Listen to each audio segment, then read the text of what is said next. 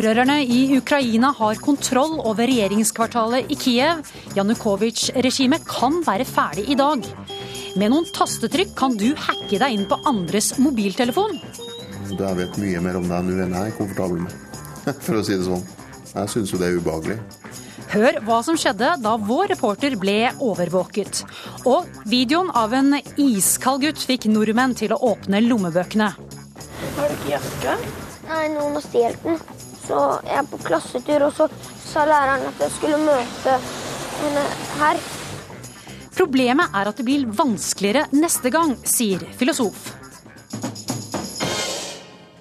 Hei, du hører på Ukeslutt i NRK P1 og P2. Jeg heter Ingvild Edvardsen, og i neste timen blir det også debatt om hva nettbrett gjør med familieidyllen.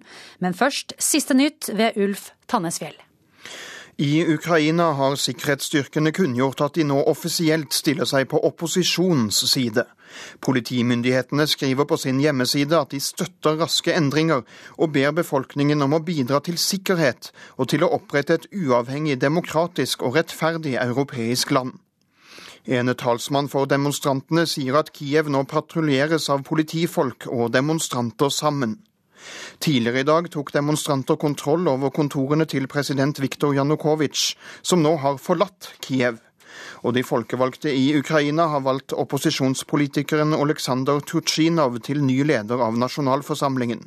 Han er en nær alliert av fengslede Julia Timosjenko. Norge tok alle tre medaljene på 30 km fristil langrenn for kvinner under OL i Sotsji. Marit Bjørgen tok sitt tredje gull under dette OL, og vant foran Therese Johaug og Kristin Størmer Steira. Dette var Steiras første individuelle OL-medalje etter fire fjerdeplasser i tidligere OL.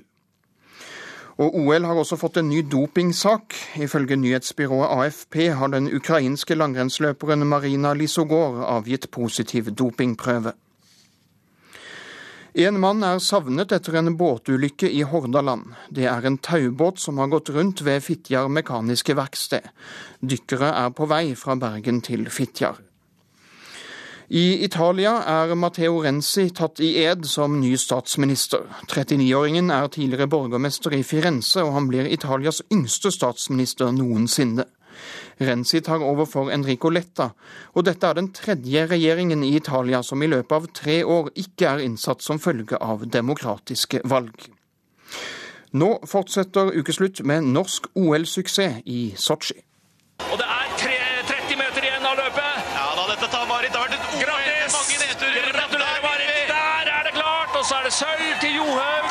Og så kommer, uh, kommer Kristin der borte. Ja, Det ble trippel norsk seier på kvinnenes tremil i OL i dag. Marit Bjørgen gikk inn til gull. Therese Johaug tok sølvet, og Kristin Størmer Steira tok bronsen. Og Pål Thomassen, du er med oss fra Sotsji, der vi må regne med at det er god stemning nå?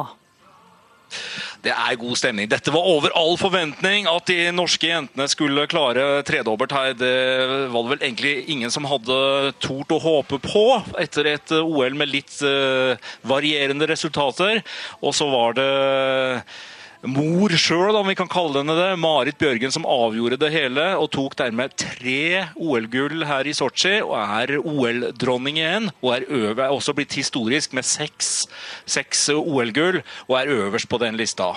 Og så selvsagt, som det ble sagt i nyheten her, Kristin Stømme Steira tar sin eh, første individuelle OL-medalje. Det er også utrolig bra. Og Johaug gjorde et forsøk i siste bakke, men eh, det ble litt for tøft i kampen mot, eh, mot Bjørgen, da. Vi skal høre hvordan Johaug reagerte etter at hun kom i mål. Det er et helt rått løp i dag, og ikke minst at vi klarer å lykkes som lag. At vi er tre jenter, tropp tre. Det, det, er helt, helt, utrolig og veldig godt for både støtteapparatet og, og trenerne og smørerne, ikke minst smørerne i bua, som har på en måte fått et veldig stempel under mesterskapet her. Så og det veldig moro at vi klarer å slå tilbake med, med det her og sette et punktum på OL i Sotsji. Pål Thomassen, hva sier dette om de norske langrennskvinnene? De er i en egen klasse. Det jobbes veldig bra. De trener atskillig mer enn alle andre. Og de er på samme nivå som de beste herrene. Det har vært høyt nivå i mange, mange mesterskap på de norske, og særlig Marit Bjørgen, da, som eh, fremstår som den store eneren vår. og Vi får bare håpe at hun fortsetter noen år til, at vi har eh, denne superstjernen i skisporet noen år. Så det, denne oppturen vi har nå, den, jeg tror den seiler videre også fortsatt noen år. I ettermiddag er det slalåm for herrer og skiskytterstafett som står for programmet. Eh, hva tror du om våre sjanser der? Slalåm er en marginal sport. Eh, Henrik Kristoffersen kan klare det. Han har, vært, eh, han har jo vunnet verdenscup, men da skal alt klaffe, altså. En, han, han, pleier sjelden å kjøre ut, da. Men uh, dette er ikke min spesialitet, så jeg kan ikke uttale meg helt sånn 100% Men det uh, hadde vært utrolig morsomt hvis uh, unggutten kunne klare en medalje. Skiskytterstafett der tror jeg faktisk Norge kan være med å ta, ta, gullet på en god dag. Men eh, det blir utrolig spennende. Det pleier alltid å bli det i skiskyting. Det blir det. Du får ha takk for at du var med oss eh, fra Sotsji, Pål eh, Thomassen.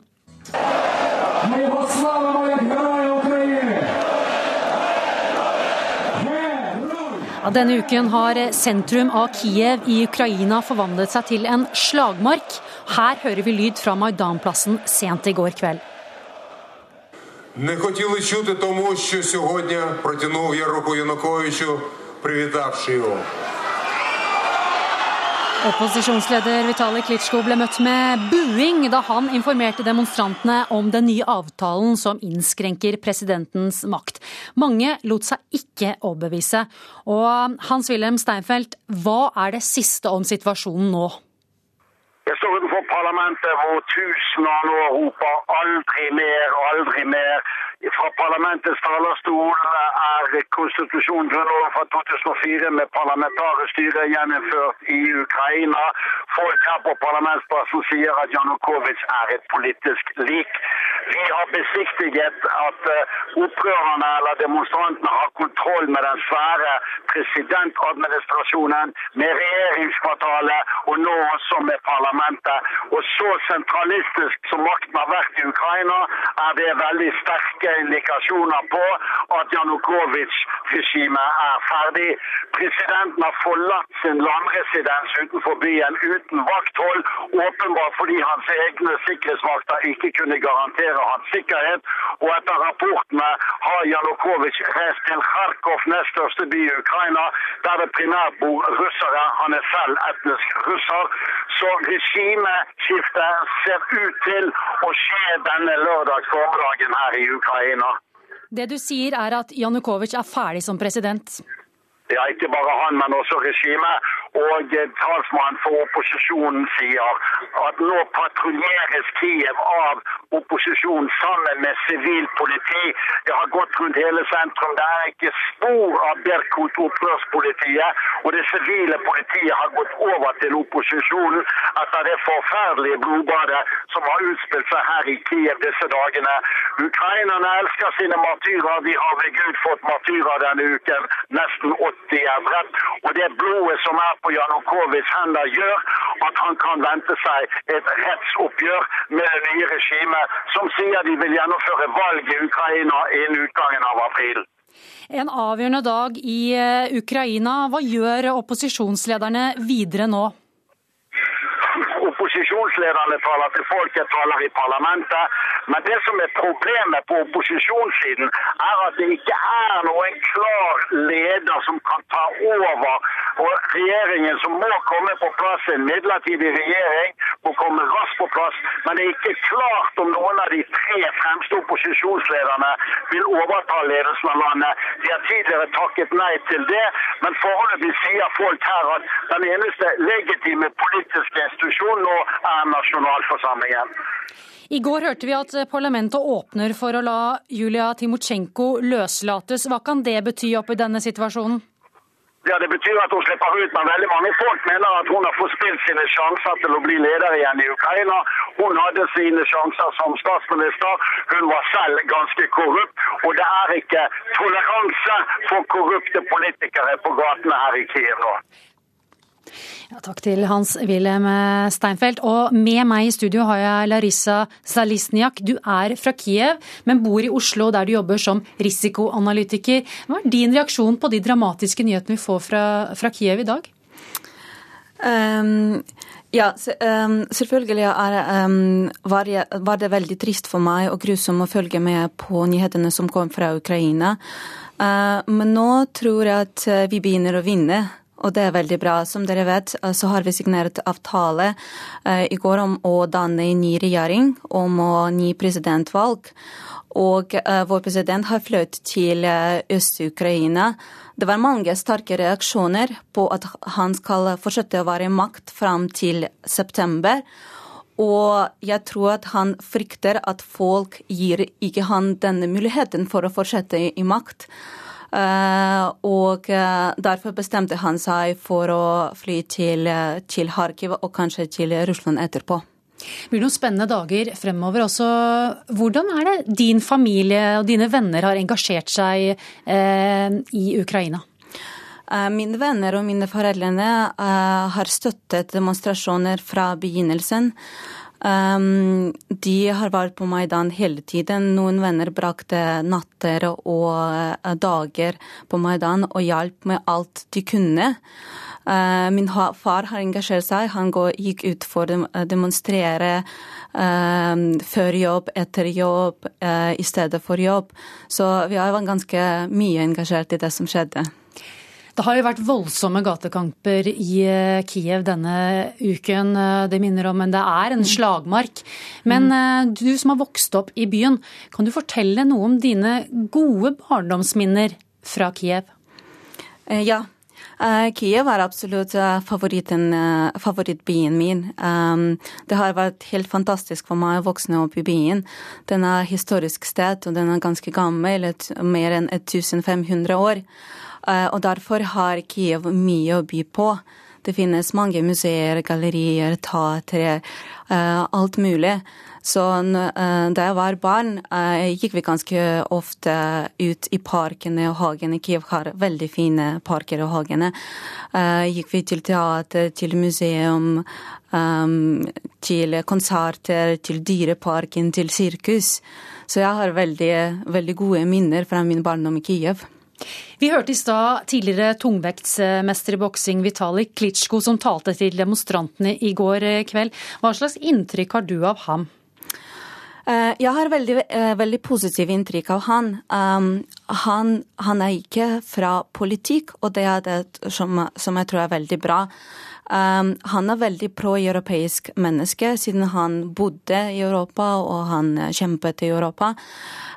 Han, uh, han, er selvfølgelig, eh, han er selvfølgelig ikke økonom i det tilfellet, så, men hvis han uh, klarer å bygge en god team som kan, som kan føre utviklingen av min land, så tror jeg blir veldig bra.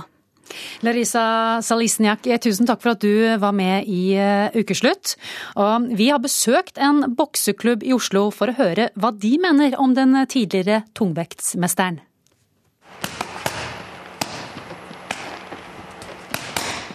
Proffbokser Alexander Ullenes Hagen og trener Max Mankowitz er i aksjon på Oslo bokseklubb. Med nok trening kan Alexander kanskje en dag bli like god som kjempen Vitali Klitsjko.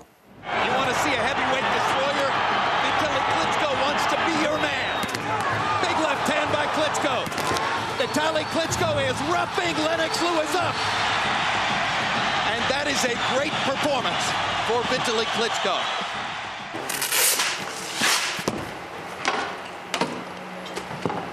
Hvor stor var Vitalij Klitsjko som bokser? Han og broren dominerte jo hele tungvektsdivisjonen i veldig mange år. For eh, det var egentlig ingen som kunne slå han da.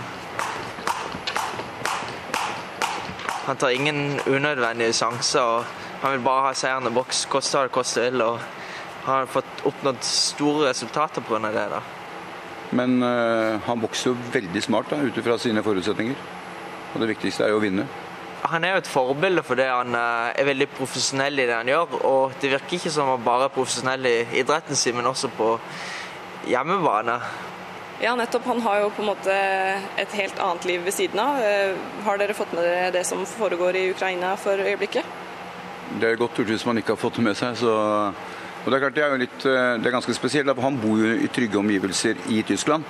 Og så velger han da å reise tilbake til moderlandet sitt og stå på barrikadene der, bokstavelig talt. I'm very uh, unhappy because uh, it was no discussion and uh, president don't want to listen. I dag er Vitalij Klitsjko en av opposisjonslederne som utfordrer presidenten i Ukraina, og han la boksehanskene på hylla i fjor. Jeg tror også han har fått brukt sine, si, sine, egenskaper som han har lært seg i bokseringen, også i det politiske liv. Da. Ja, hvordan da? Jeg tenker I bokseringen så må du være kald. Eh, du må ikke miste hodet, du må ha en strategi. Og du må både gi og ta litt. altså Du må kanskje ta en smell for å gi en ordentlig smell. og Sånn er det jo ofte i det politiske livet. Han må i hvert fall ikke miste hodet.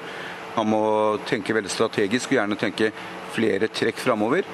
Og visse ting må han sikkert gi avkall på for å få gjennom sine ting. da. Så uh, jeg tror han kan dra stor nytte av at han har vært en, og er for så vidt en god profesjonell bokser også i det politiske liv. Hva har hans motstandere å frykte, både i ringen og i det politiske liv?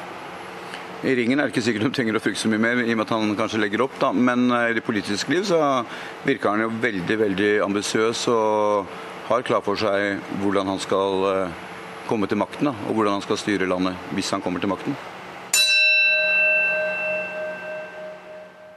Her hørte du boksetrener Max Mankovic og proffbokser Alexander Ullenes Hagen snakke med vår journalist Synne Haugbråten Rustad. Og vi tar med det siste fra Ukraina, som er at parlamentet skal stemme over muligheten for å få løslatt opposisjonsleder Julia Timosjenko raskt, uten at det krever godkjenning fra presidenten. Du hører en podkast fra NRK P2. De fleste av oss har en smarttelefon der vi lagrer mye sensitiv informasjon. Du har liksom Facebook, du har kontakter, meldinger, alt mulig. Nå er alt inne på én telefon. Bankinformasjon, ja, altså bank-ID, alt mulig. Ja. Hva, hva er det de ville funnet ut om dere hvis de hadde tatt mobilen deres nå? Eh, hvis de hadde funnet ut nå? Og eh, ikke, Alt som jeg ikke burde si nå. Ja, alt eh, i privatlivet. Ja. Hva som har skjedd hvem det har skjedd med, hvor det har skjedd, hva jeg har gjort. Alt mulig. Ved hjelp av bare noen eh, tastetrykk kan du hacke deg inn på andres mobiltelefon og få tilgang til samtaler, SMS-er og bevegelser. Ukeslutts reporter Gry Veiby lot seg bli hacka. Ja. Nå er, nå er jeg overvåka. ok, ja. Har du fått beskjed, eller? Jeg har ikke fått noe Håndflatene er svette og pulsen litt ekstra høy. Jo da, her begynner det å komme en ting, vet du. Oi. Her begynner det å komme en litt, ja. Me. På telefonen er Vegard Ilstad, som akkurat i dette øyeblikk har fått full tilgang til alt på mobilen min. Hei, Ola. Om jeg kommer innom kontoret ditt om 20 minutter, Gry, ukeslutt NRK. Ja. Godt å forsvare, ja. Jeg får ikke opp kontaktene ennå, men hadde jo fortsatt å laste den der, da, ser jeg. Ok. Så ja, her tikker det inn.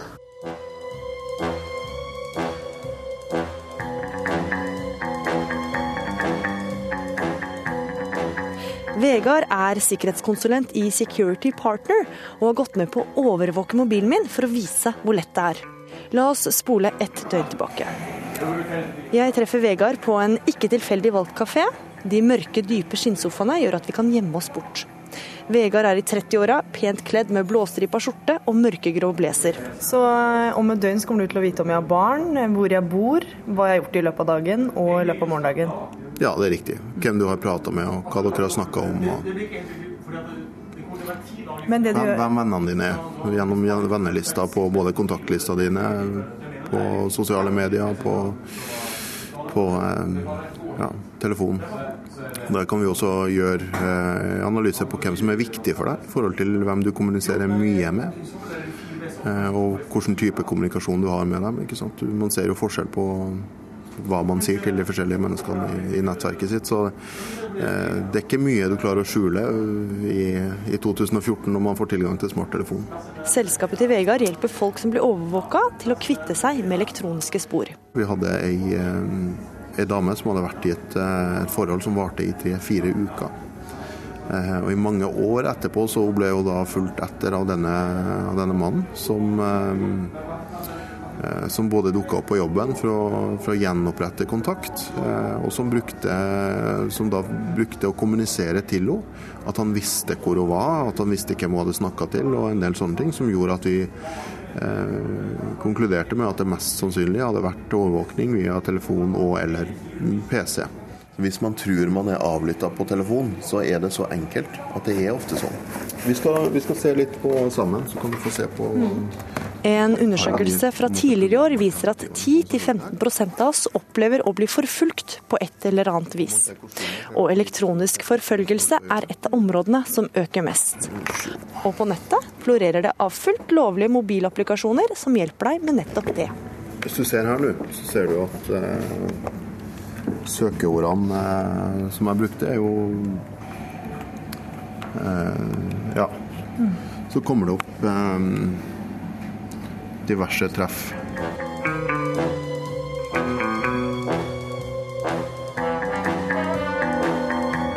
Han ser ryddig ut. Han, han, han har en fin internettside. Du, du, er villig til å gi han eh, brukernavn og passord til e-poster og Facebook og alt mulig? Ja, jeg, jeg står i et lyst kontorlokale med glassvegger. Det er her NRKs dataeksperter jobber. Hvis du har et navn og hvilket selskap han jobber i, så Kan du sjekke det? Ja, jeg kan i hvert fall Jeg har en kjenner noen i miljøet. De er skeptiske til prosjektet mitt. Ola Nordbryn forklarer hvorfor. Han kan eh, overvåke e-posten din, og så kan han bruke det til å få tilsendt passord fra andre steder, f.eks. PayPal, eh, Facebook, Twitter, og igjen da logge seg inn på de kontoene. Og nærmest pakke opp hele nettet som er rundt deg, da. alle tjenestene du er innlogget på. Han kan utgi seg for å være deg i alle mulige sammenhenger. Det er nesten ikke grenser for hva han kan gjøre. Ved å laste ned et program til sin mobil, for deretter å sende meg en SMS med et program som jeg installerer, har Vegard nå full oversikt over hvem jeg snakker med, hvem jeg sender SMS med, hvem jeg mailer, og hvor jeg beveger meg. Jeg merker jeg blir litt svett.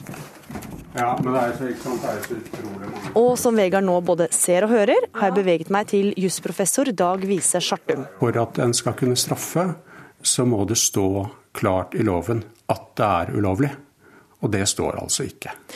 For dersom Vegard ikke hadde hatt mitt fulle samtykke på overvåkinga, er allikevel ikke alt han ville gjort som ville vært forbudt. Det står i loven at eh, det er forbudt å lytte til en samtale som du ikke selv tar del i, og det står i loven at det er forbudt å skaffe deg tilgang til eh, mail og brev og sånn. Andres mail og brev. Men altså eh, når det gjelder eh, f.eks. GPS-sporing, det å finne ut av folks bevegelser, gjøre det mot deres vilje, det er ikke blant de tingene som står i straffeloven vår Eh, er forbudt. Så jeg kan overvåke ekskjæresten min f.eks. uten å frykte politiet? Uten å frykte politiet, ja. Et døgn seinere. Hei, hvordan går det med pakkinga? Å, herregud. Det er liksom ikke så mye å pakke, egentlig. da. Bare et skift, tenker jeg. Samtale med mamma. Jeg tar ikke med så mye. Men du? Vi sitter på kontoret mitt og går gjennom spionloggen. Og så er det SMS-logs det alle spør meg om når jeg forteller om denne saken, her, er hvordan skal man eh, beskytte seg mot det? Sånn som på de vanligste programmene her, så må man ha tilgang på telefonen et lite øyeblikk for å bekrefte for deg at du skal ha inn programmet. Så det, kanskje det beste tipset det er jo det å være forsiktig med å ha på f.eks. Eh, blåtann og wireless-nettverk og disse kommunikasjonsmidlene når man ikke bruker det. Altså bruk, bruk det, ta det på kun når man skal, skal, bruke det aktivt. Ha på tastelås på telefonen som går på raskt, fordi da må jeg vite den for å kunne gå inn og bekrefte disse, eh, disse tingene. Og ikke minst eh, vite hva du har av applikasjoner. Bruk eh, søkeprogram som, som, viser deg hvilken type programmer som kommuniserer ut av telefonen. Eh, så får man i hvert fall en litt bedre oversikt. Hvor mye, ja, hvor mye føler du at du kjenner meg da nå? Eh, da jeg vet mye mer om deg nå enn jeg er komfortabel med, for å si det sånn. Eh, jeg syns jo det er ubehagelig, ja. og det tenker jeg at normale folk bør gjøre.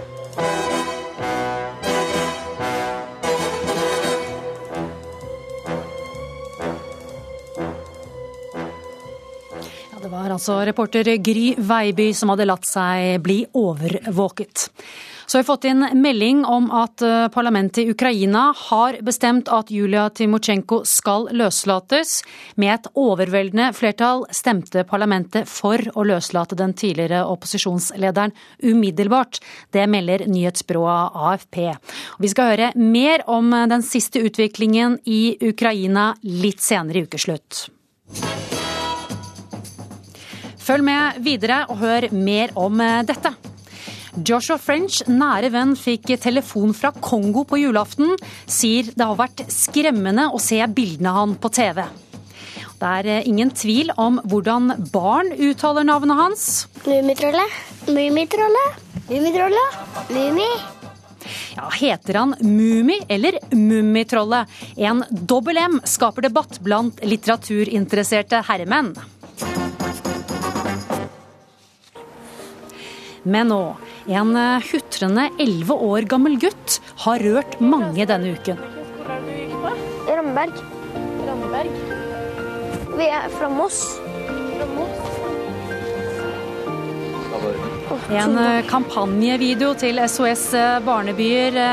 Der ser vi gutten som heter Johannes, plassert uten jakke på en bussholdeplass. Og vi får se hvordan andre reisende deler klærne sine med ham. Til nå er videoen sett av eh, nesten ni millioner mennesker. Samtidig har pengene strømmet inn til kampanjen som retter seg mot barn som fryser i Syria. Og filosof Einar Øverenget, hvorfor fenger denne videoen oss sånn? Den videoen fenger oss fordi det er noe vi kan identifisere oss med. Det er en norsk gutt, han snakker norsk, og vi ser mennesker som møter ham i Norge. Eh, Dvs. Si at eh, han i veldig sterk grad vekker våre følelser. Det er veldig lett for de som Vi ser de som møter ham, og de er direkte berørte av det osv. Og, og det i veldig stor grad da vekker følelser, og det er lett å identifisere seg med. Ja, For det er mye fælt vi ikke bryr oss om? Ja, selvfølgelig. Hver dag så dør det vel oppunder 20 000 barn eh, av sult og sykdom, for all del. Og i Syria er det jo helt forferdelig. Men og det er jo litt av problemstillingen her. Den videoen her, den løser ikke det dilemmaet der. Den beskriver egentlig dilemmaet veldig godt. Og på mange måter kan man tenke seg at de som har laget den, har litt gått i grøfta her og kullseilt litt i forhold til hva problemstillingen dreier seg om. Problemstillingen dreier seg ikke om at vi ikke berøres av menneskers smerte, menneskers eh, At det går dårlig med mennesker, at mennesker fryder, at de lider og sånt noe. Våre følelser vekkes av det hvis det er nært oss nok, hvis det er mulig å identifisere oss med det, hvis det er mulig å treffe på det, hvis det er våre nærmeste, ikke sant? så berøres vi. Etikkens problemstillingen er nettopp at vi gjør det, men vi, gjør, vi berøres ikke på samme måte hvis det er langt nok unna, vanskelig nok å identifisere seg med. Og det som er det underliggende budskapet her, er at vi skal huske på altså, at man må vekke folks følelser for å få til å handle. Men problemstillingen er at eh, hvis det er det vi går og venter på, at våre følelser må vekkes før vi handler, så vil vi typisk nettopp ta vare på de som er nærmest oss. Vi gjør det.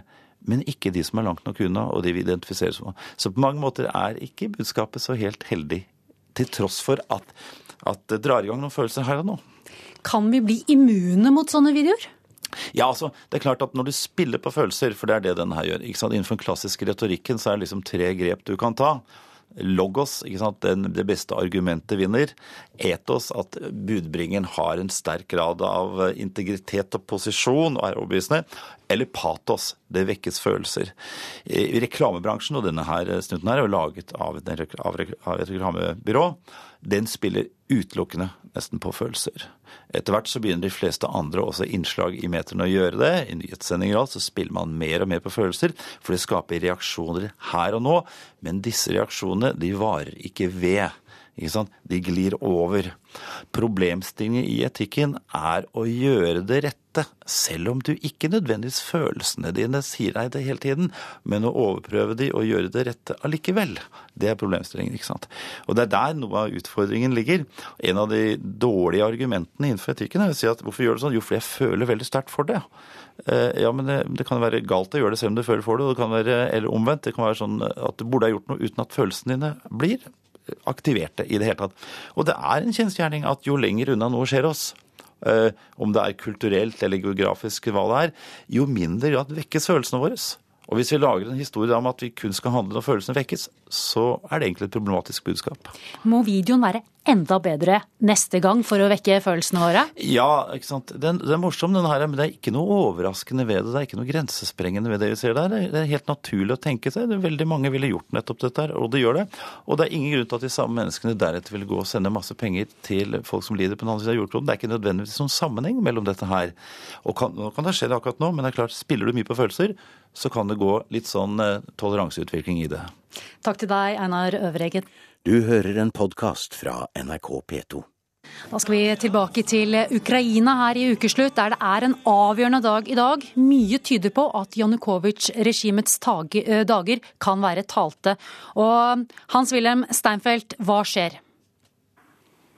Skal vi se om vi har med oss Hans-Wilhelm Steinfeld eh, fra Kiev. Hallo. Der hører jeg Hans-Wilhelm eh, Steinfeld. Eh, kan du si det siste om situasjonen i Ukraina nå? Ja, Parlamentet har nettopp med overveldende flertall vedtatt at Julia Timosjenko øyeblikkelig skal settes fri fra fengselet i Kharkov. Og eh, nå er jeg for øvrig igjen på radiolinje. Dermed slippes hun fri på en dag da Janukovitsj-regimet har brutt sammen. Presidenten har flyktet til Kharkov, for øvrig samme by der Julia Timosjenko sitter fengslet. Og hun vil bli friet i dag midt i det maktvakuumet som rår i kjølvannet på Janukovitsj-regimet, med det resultat at hun aldri har hatt en bedre sjanse til å returnere til makten enn nå. Ukraina elsker sine martyrer. De har fått altfor mange å sørge over denne uken. Under enhver omstendighet så vil Julia Timosjenko bli satt fri. Men jeg har snakket med ganske mange foran parlamentet i dag som setter spørsmålstegn ved om ikke Julia Timosjenko hadde sin sjanse da hun var statsminister frem til for fire år siden. Hvis hun har holdt sin sti ren når det gjelder korrupsjon til å kunne bli leder for dette nye Ukraina denne lørdagen da det gamle forhatte regimet brøt sammen. Takk til deg, Hans-Wilhelm Steinfeld. Det blir mer om dette i eh, Dagsnytt. Og det siste nå er at AFP melder at Timosjenko er satt uh, fri. Oh, her kommer mitt jetfly. Der er det krasjet romskip. Litt skummelt spill. Ja, vi ser det overalt. Småbarn som i dyp konsentrasjon lynraskt beveger fingrene over nettbrettet. Mens man før måtte bære sutrende halvannetåringer på hoften mens man eh, lagde middag, eller leke borte til tei på T-banen, har iPaden nå blitt en behagelig løsning i mange familier. Kanskje litt for behagelig, mener du, samfunnsforsker Guri Jørstad Wingård. Det er jo mye teknologi som gjør livet mer lettvint og behagelig, og det skal vi være glad for. Altså, jeg er veldig glad for at jeg har vaskemaskin og slipper å vaske klær i elva.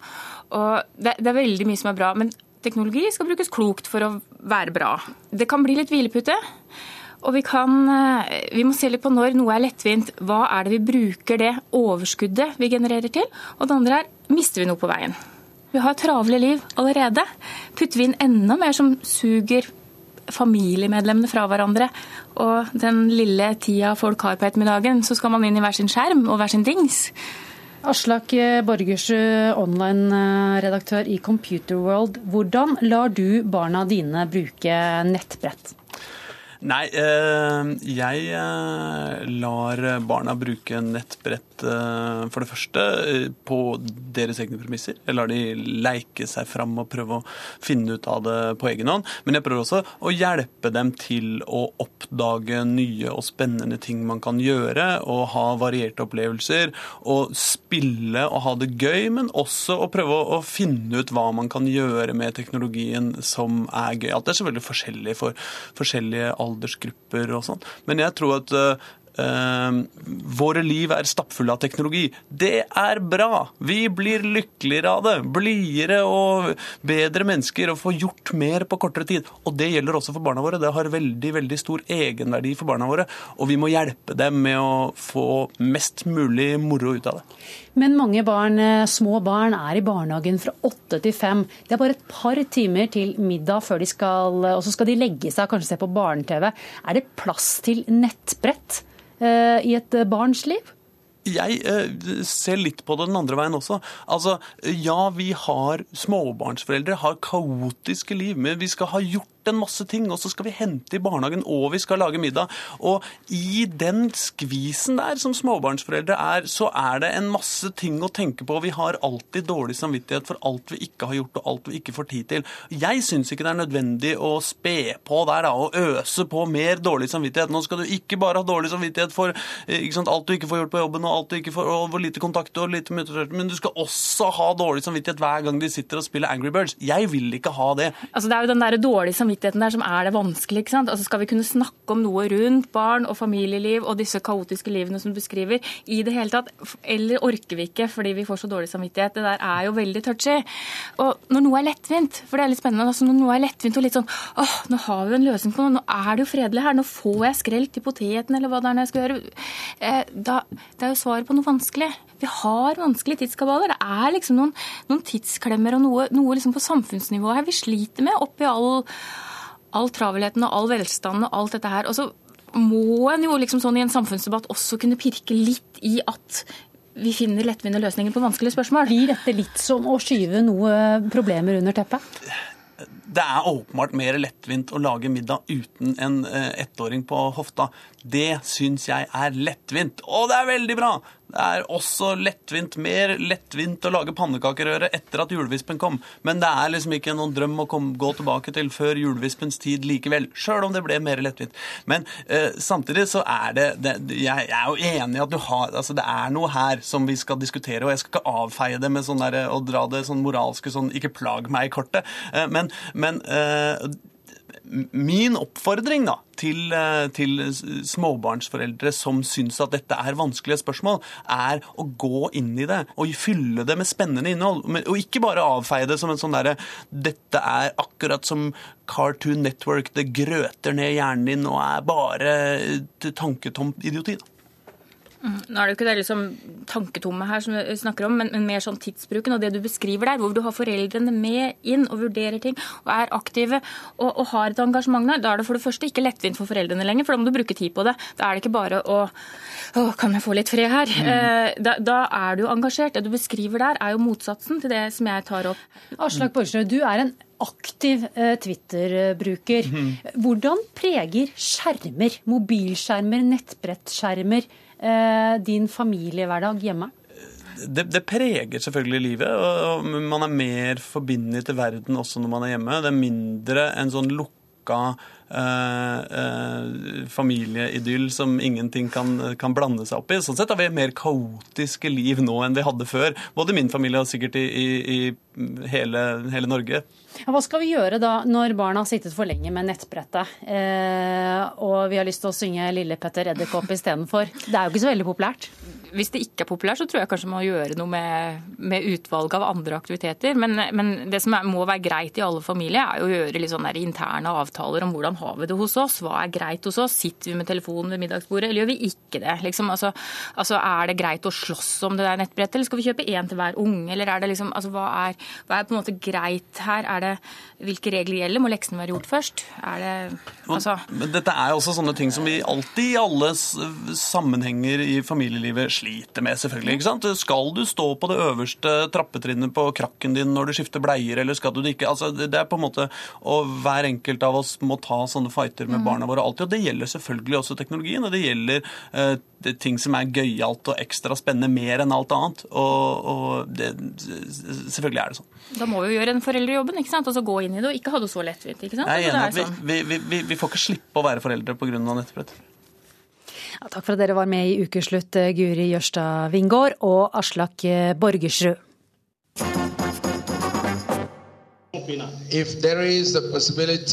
To to him uh, a penal, a criminal uh, à la majorité de voix des membres de sa to the majority of the member or members of its composition, Slik eh, hørtes det ut da Joshua French denne uken ble dømt til livstid i fengsel for å ha drept kameraten Tjostolf Moland på cella i Kongo.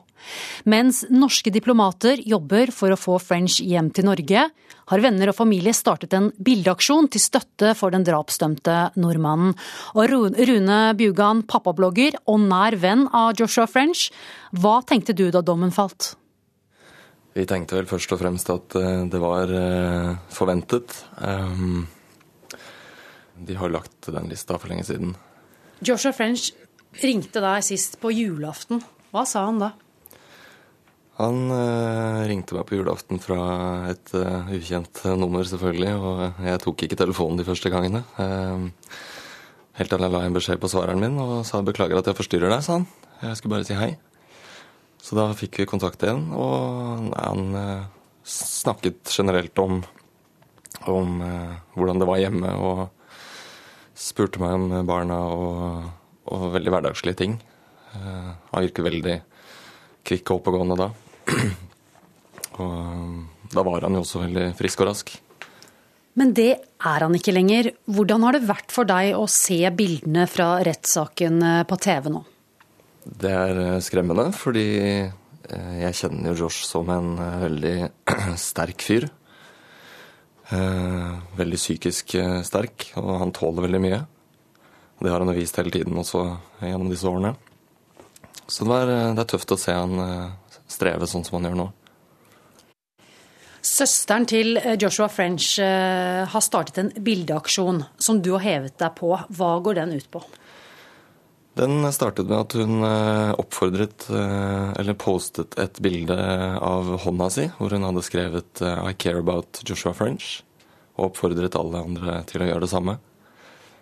Eh, Hun la ut dette på støttegruppa for Joshua eh, på Facebook, og da delte vi det, eller jeg da, delte det på Twitter og Instagram eh, i tillegg. Og da, da ble det sett, og nå er det veldig mange som har hevet seg på. Hva ønsker dere å oppnå? Vi, Joshuas søster Hanna skal, eh, skal samle alle disse bildene som kommer inn eh, i en kollasj og sende ned til eh, Josh. Ikke bare for å vise han at han har massiv støtte her oppe, men eh, også vise alle andre at eh, vi ikke gir oss før han har kommet hjem. Han har ikke mulighet han, til å lese nyheter og, og se på Facebook, så han eh, sitter i den troen noen ganger, eh, har jeg fått inntrykk av, at han er litt alene om dette med, med familien sin. French er dømt til livstid i fengsel to ganger. Hva betyr det for deg om han er skyldig i noe av det han er dømt for? oppi dette her sånn, så betyr ikke det egentlig noen ting. Eh, Vi som kjenner han og, og sikkert veldig mange andre vet, har nok skjønt eh, ut fra hvordan dette har utviklet seg, at han ikke er skyldig i noe som helst. Det er et helt annet spørsmål. Eh, Nå handler det om eh, menneskerettigheter og, og hvordan man blir behandlet eh, der nede, som rett og slett er tragisk. Hva håper du skal skje med han nå? Vi vet jo at norske myndigheter holder på veldig der nede nå, og de, de jobber, gjør en veldig god jobb. Så vi håper at, eh, at det kan bli snakk om en benådning, og at han kan komme seg hjem til, til Norge. Rune Bugan, takk for at du var med i Ukeslutt. Han er ren hvit over hele seg og har svarte øyne og har svarte ringer rundt seg. Ah, en har hvit nese. Og så har de ikke hår på seg. Mm, han har på en flott hatt. Ja, det er mulig. Ja, det er mulig. Hvordan sier du navnet hans? Mummitrollet. Mummitrollet. Mummitrollet. Mummi. Ja, hvordan uttaler man egentlig navnet på det hvite, stornesede trollet? Mummitrollet eller Mummitrollet har skapt debatt i avisspaltene de siste ukene. Det hele dreier seg om den ekstra M-en barnebokfiguren har fått i norske oversettelser. Og Stig Andersen, dokumentarfilmregissør og kunstskribent. Du har kalt det en infantilisering å døpe om Mummitrollet til Mummitrollet, altså med dobbel M. Hvorfor det? Jo, for jeg tenker at uh, Mummitrollet er en saktmodig, litt sånn uh, Hva skal jeg si Litt trist personlighet, da, som uh, ikke er noe typisk glad person. Og da tenker jeg at Mummi, det blir for meg som det blir, det blir en slags infantilisering og hyggelig og morsomgjøring av en karakter som jeg opplever som langt dypere enn det. Og Derfor syns jeg at det er helt feil å bruke begrepet mummitrollet med to ender på ham. I tillegg til at eh, vi, så vidt jeg har klart å oppfatte det, er det eneste landet i verden som bruker to m-er på ham. Anders Eger, forlagsredaktør og oversetter bl.a. av Mummitrollet. Hvorfor bruker vi dobbel M på norsk? Eh, ja, det kom eh, fra da han ble importert til Norge eh, i, på, tidlig på 50-tallet. Da var det en barnebok som gikk på rim. Den ble overlatt til André Bjerke. Han satte inn en dobbel M.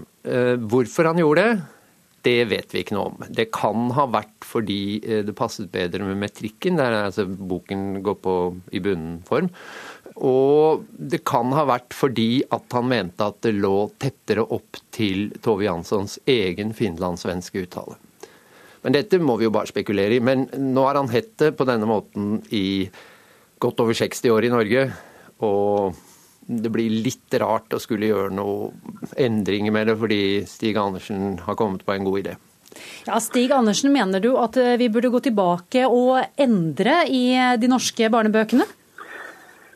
For fremtiden, ja. Men jeg tenker Mummitrollet het nå en gang Mummitrollet med en M i Aftenposten den gangen jeg ble kjent med ham, da stripene ble denne tegneseriefiguren ble trykket der. og Derfor så har han på en måte alltid vært mummitrollet for meg, da. Og jeg tenker alltid at det har vært så underlig å bruke den andre formen. Og når Anders bruker dette såkalte fonetiske beviset for at uh, det skal uttales på finlandssvensk som mummi, ja, hvorfor brukte ikke da Tove Jansson selv to m-er i denne uttalen? Det kunne ha vært en relevant diskusjon hvis vi hadde hatt denne i 1955.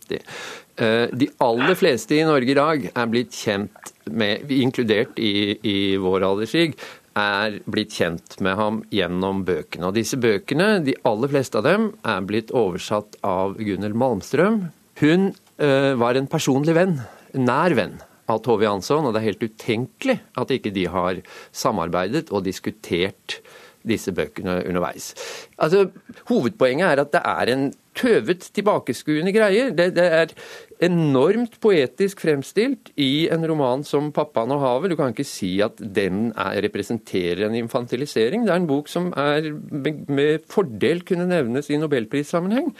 Den er oversatt i samarbeid med Tove Jansson selv, og så liksom OK, nei, jeg liker det ikke. Det, er, ja, det er barnslig barnslig og barnslig. Jeg mener at det er feil når man retter på egennavn på den måten som er foretatt. og Jeg tror ikke eh, at det er barnslig å, å forsøke å være litt, eh, ja, etter mitt skjønn, redelig i forhold til hvordan eh, navnet blir skrevet også på finlandssvensk og på finsk. Ja, takk til dere, Stig Andersen og Anders Heger. Det er mange som avslutter vinterferien denne helgen, mens um, andre så vidt er i gang, og de håper på godvær. Hvordan ser det ut, statsmeteorolog Christian Gislefoss? Altså, det ser ut til at det kan bli en god del nedbør nå de, eh, de kommende dagene, og mildvær, særlig i Sør-Norge. Og det blir også da økt snøskredfare på Vestlandet sør for Stad. Så ikke så veldig bra, egentlig. Eh, vi kan jo begynne med temperaturutsiktene for helgen, og da blir det litt lavere temperatur på Spitsbergen. I resten av landet stigende både i dag og i morgen.